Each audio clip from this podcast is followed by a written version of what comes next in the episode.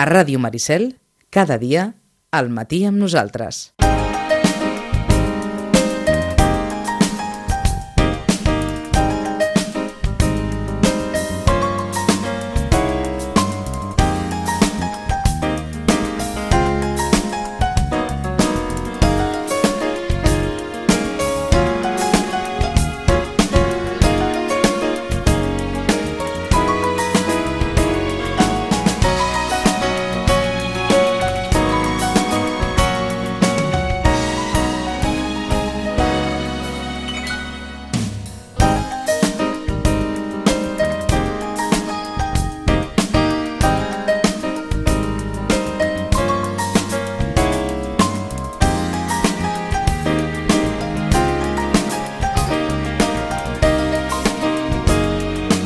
Doncs eh, això, ja més o menys ja tenim la meitat de l'equip.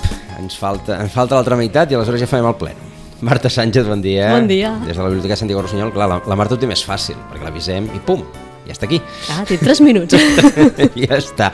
No, però, però en qualsevol cas doncs, eh, passarem a repassar, i ara quan arribi la Paquita també, repassarem l'agenda de la Biblioteca Josep Roig i Reventós, però en qualsevol cas doncs, eh, aquests, eh, aquests dies de primavera Uh, plens d'activitats com els últims... doncs sí, sí, sí, portem ben anat fent, eh? Donant, ençà, bueno, fent, d'un any enrere uh -huh. cap aquí, però especialment aquest últim abril, maig, al juny encara també tenim coses i estem contents de, tant de la resposta de, de persones que venen a les activitats que proposem com de les propostes que rebem de projectes diferents i ara que toca també una miqueta fer balanç de final de curs doncs el resultat és positiu, ara anirem parlant. Doncs eh, endavant, eh, com ho tenim? Doncs mira, comencem avui mateix, dimarts 28 a les 7 de la tarda, a la Biblioteca Josep Roig i Reventós es presenta un llibre que es titula Que la música amanse les fieres. Uh -huh. L'autor és Esteban Molero i, evidentment, quan hi ha una presentació, ho bonic és que ve l'autor i per tant és una oportunitat que tothom que vol parlar amb ell o comunicar-li quan, quan és una novel·la, per exemple, no? doncs comunicar-li aquelles, aquelles coses que s'hi han remogut llegint-la o fent-li preguntes,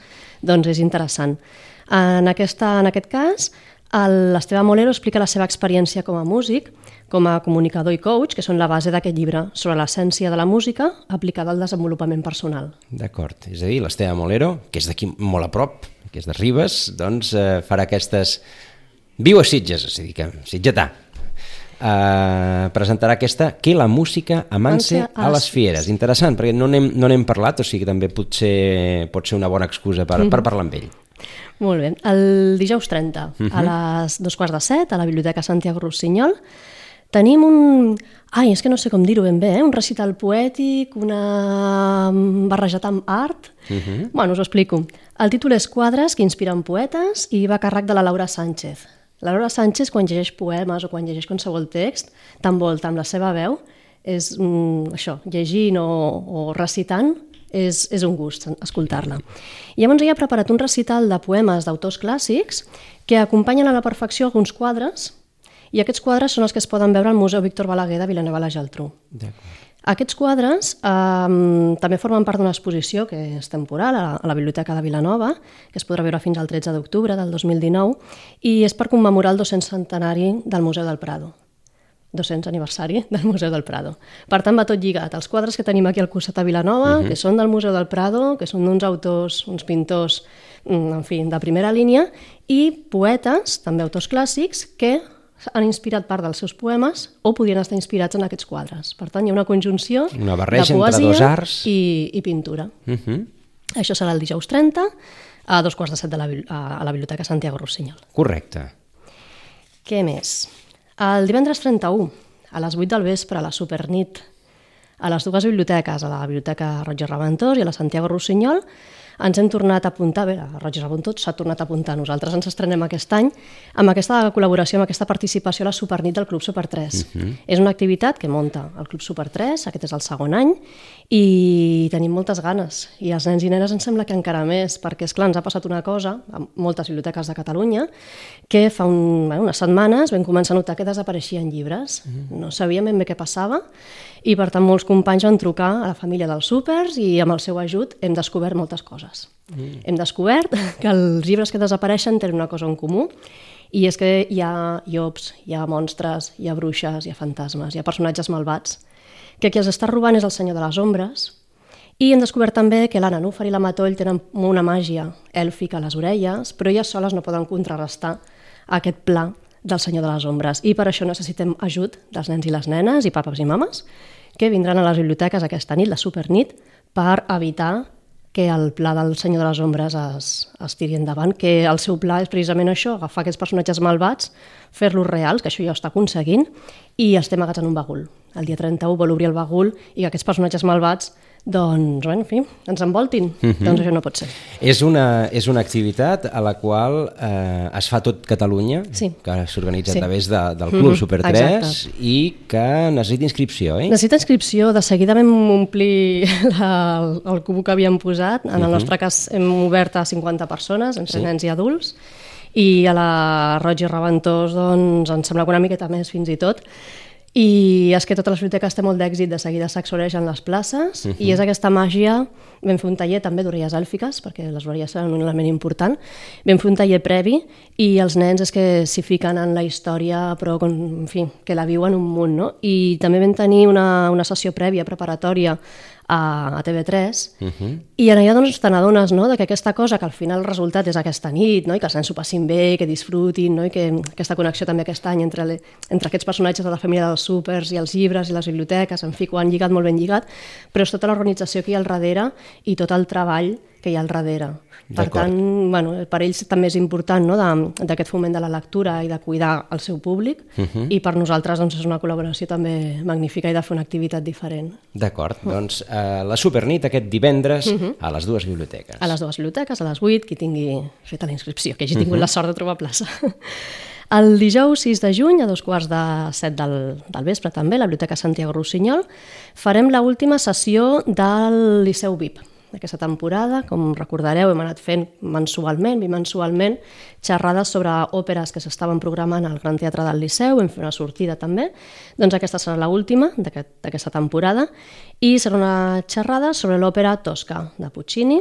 Tornarem a comptar amb el luxe de tenir el Roger Alier, historiador i crítica eh, musical, a la biblioteca. Tot això ho ha coordinat el Joan Escolar i realment sense, sense el treball del Joan doncs el Liceu Vim no hagués estat el que ha sigut de poder comptar sobretot això no? amb, el, amb el Roger Alier i per tant doncs, també portar gent interessada en l'òpera i siguin aficionats de molts anys o siguin persones que aquest any han volgut descobrir uh, aquest món de l'òpera.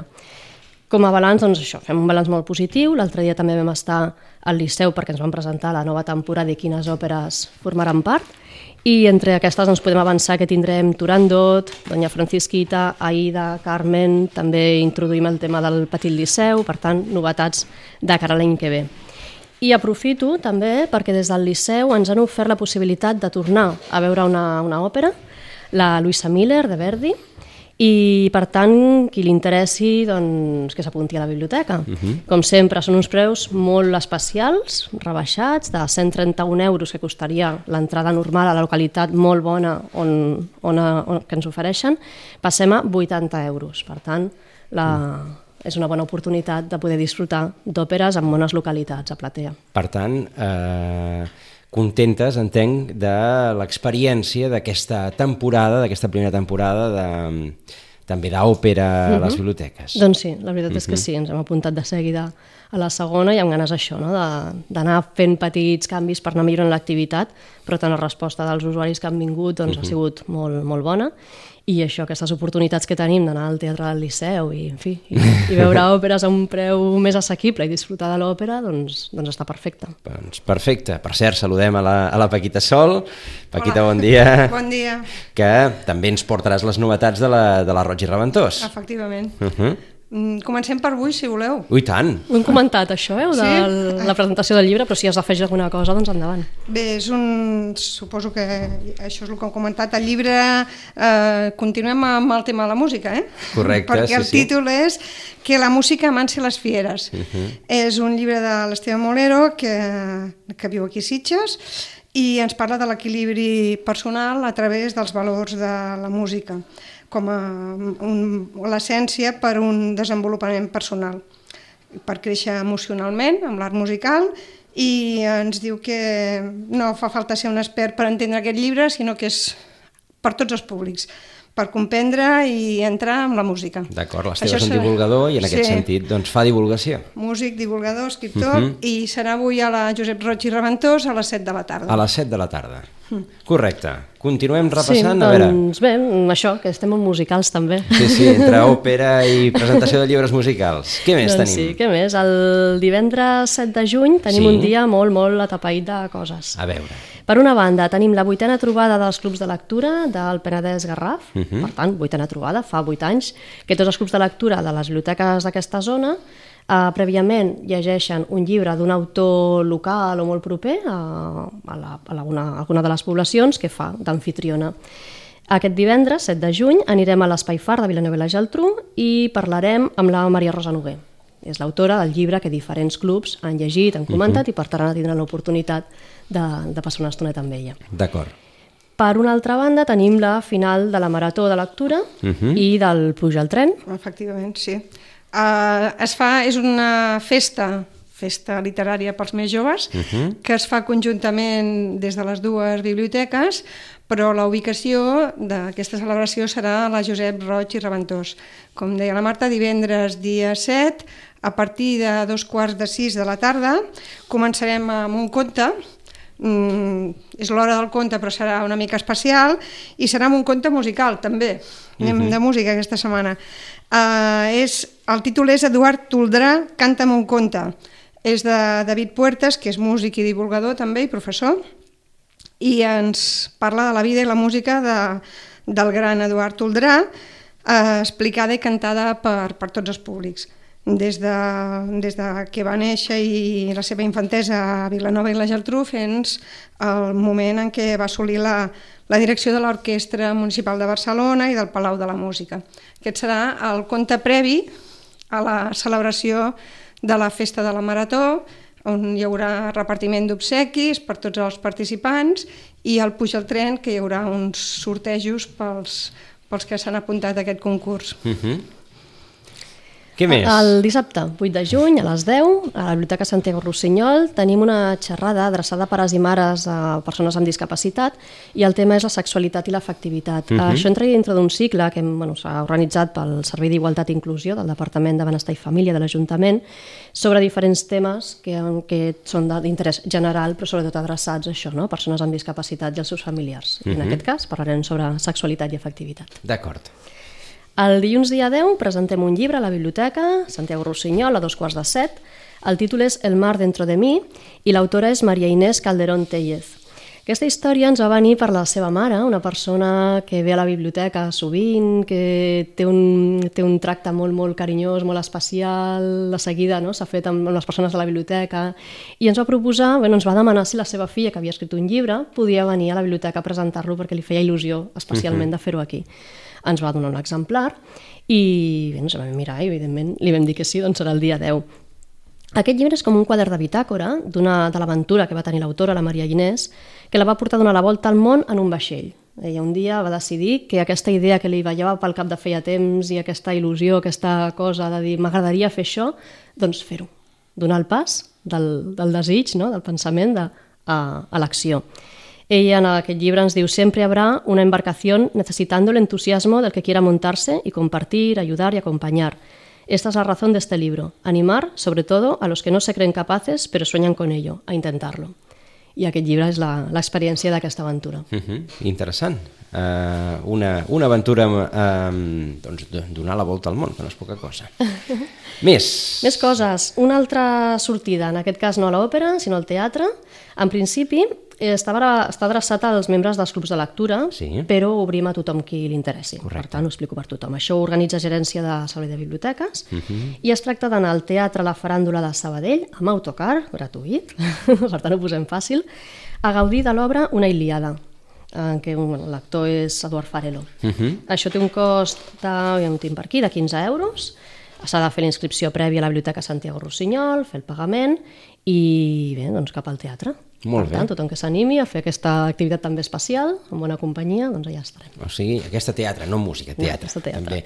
també més coses. Uh, en tenim alguna més per, Tenim per aquesta quinzena? apunt, sí, A tenim veure. una, bueno, ara mateix tenim una exposició al pati de la Biblioteca Santiago Sí? Rossinyol, de la Pilar Mena, convidem a tothom que encara no l'hagi vist a disfrutar-la, perquè és, entres al pati i aquests dibuixos, aquests, aquests quadres, Mhm. és una pau fantàstica, estarà fins al dia 5 de juny, i després muntarem una mostra col·lectiva de dibuixos realitzats pels alumnes del taller de dibuix artístic de l'Escola Municipal d'Art i Disseny de Vilanova, que té per títol 1919 Bauhaus. Per tant, al pati de la biblioteca també van passant coses. D'acord, doncs exposicions al pati de la biblioteca. I la Paquita ens aporta llibres, oi? Alguna recomanació per si no esteu decidits o no heu triat encara cap títol, doncs per si ho voleu tenir en compte. A veure. Uh, són dues novel·les. Una és uh, Jo hauria pogut salvar l'orca, de Víctor Amela. Uh -huh. eh, està basada en una història real i ens porta des de Granada a Barcelona. La- L'entorn és de l'any 1936, la guerra civil com a cruel guionista d'unes existències enfosquides i és un homenatge al poder dels llibres i en especial a l'obra mítica de García Lorca, que és el romancero gitano. D'acord. Aquesta seria una. I una altra totalment diferent, de Matilde Asensi, Sakura. Eh, és mm, novel·la històrica d'aventures, que és el gènere que se li dona molt bé a la Matilde Asensi, ens porta de París al Japó, de la mà del gran Vincent Van Gogh. I bé, hi ha aventures, està basada en les tradicions i la cultura japonesa, hi ha el component artístic de la pintura impressionista, eh, l'art urbà, els colors, i en definitiva ens la presenta com una alegoria a la bellesa i a la fugacitat de la vida. No sé si haureu vist alguns a l'audiovisual que, que hi ha a Barcelona sobre l'obra de Vincent Van Gogh, que és espectacular.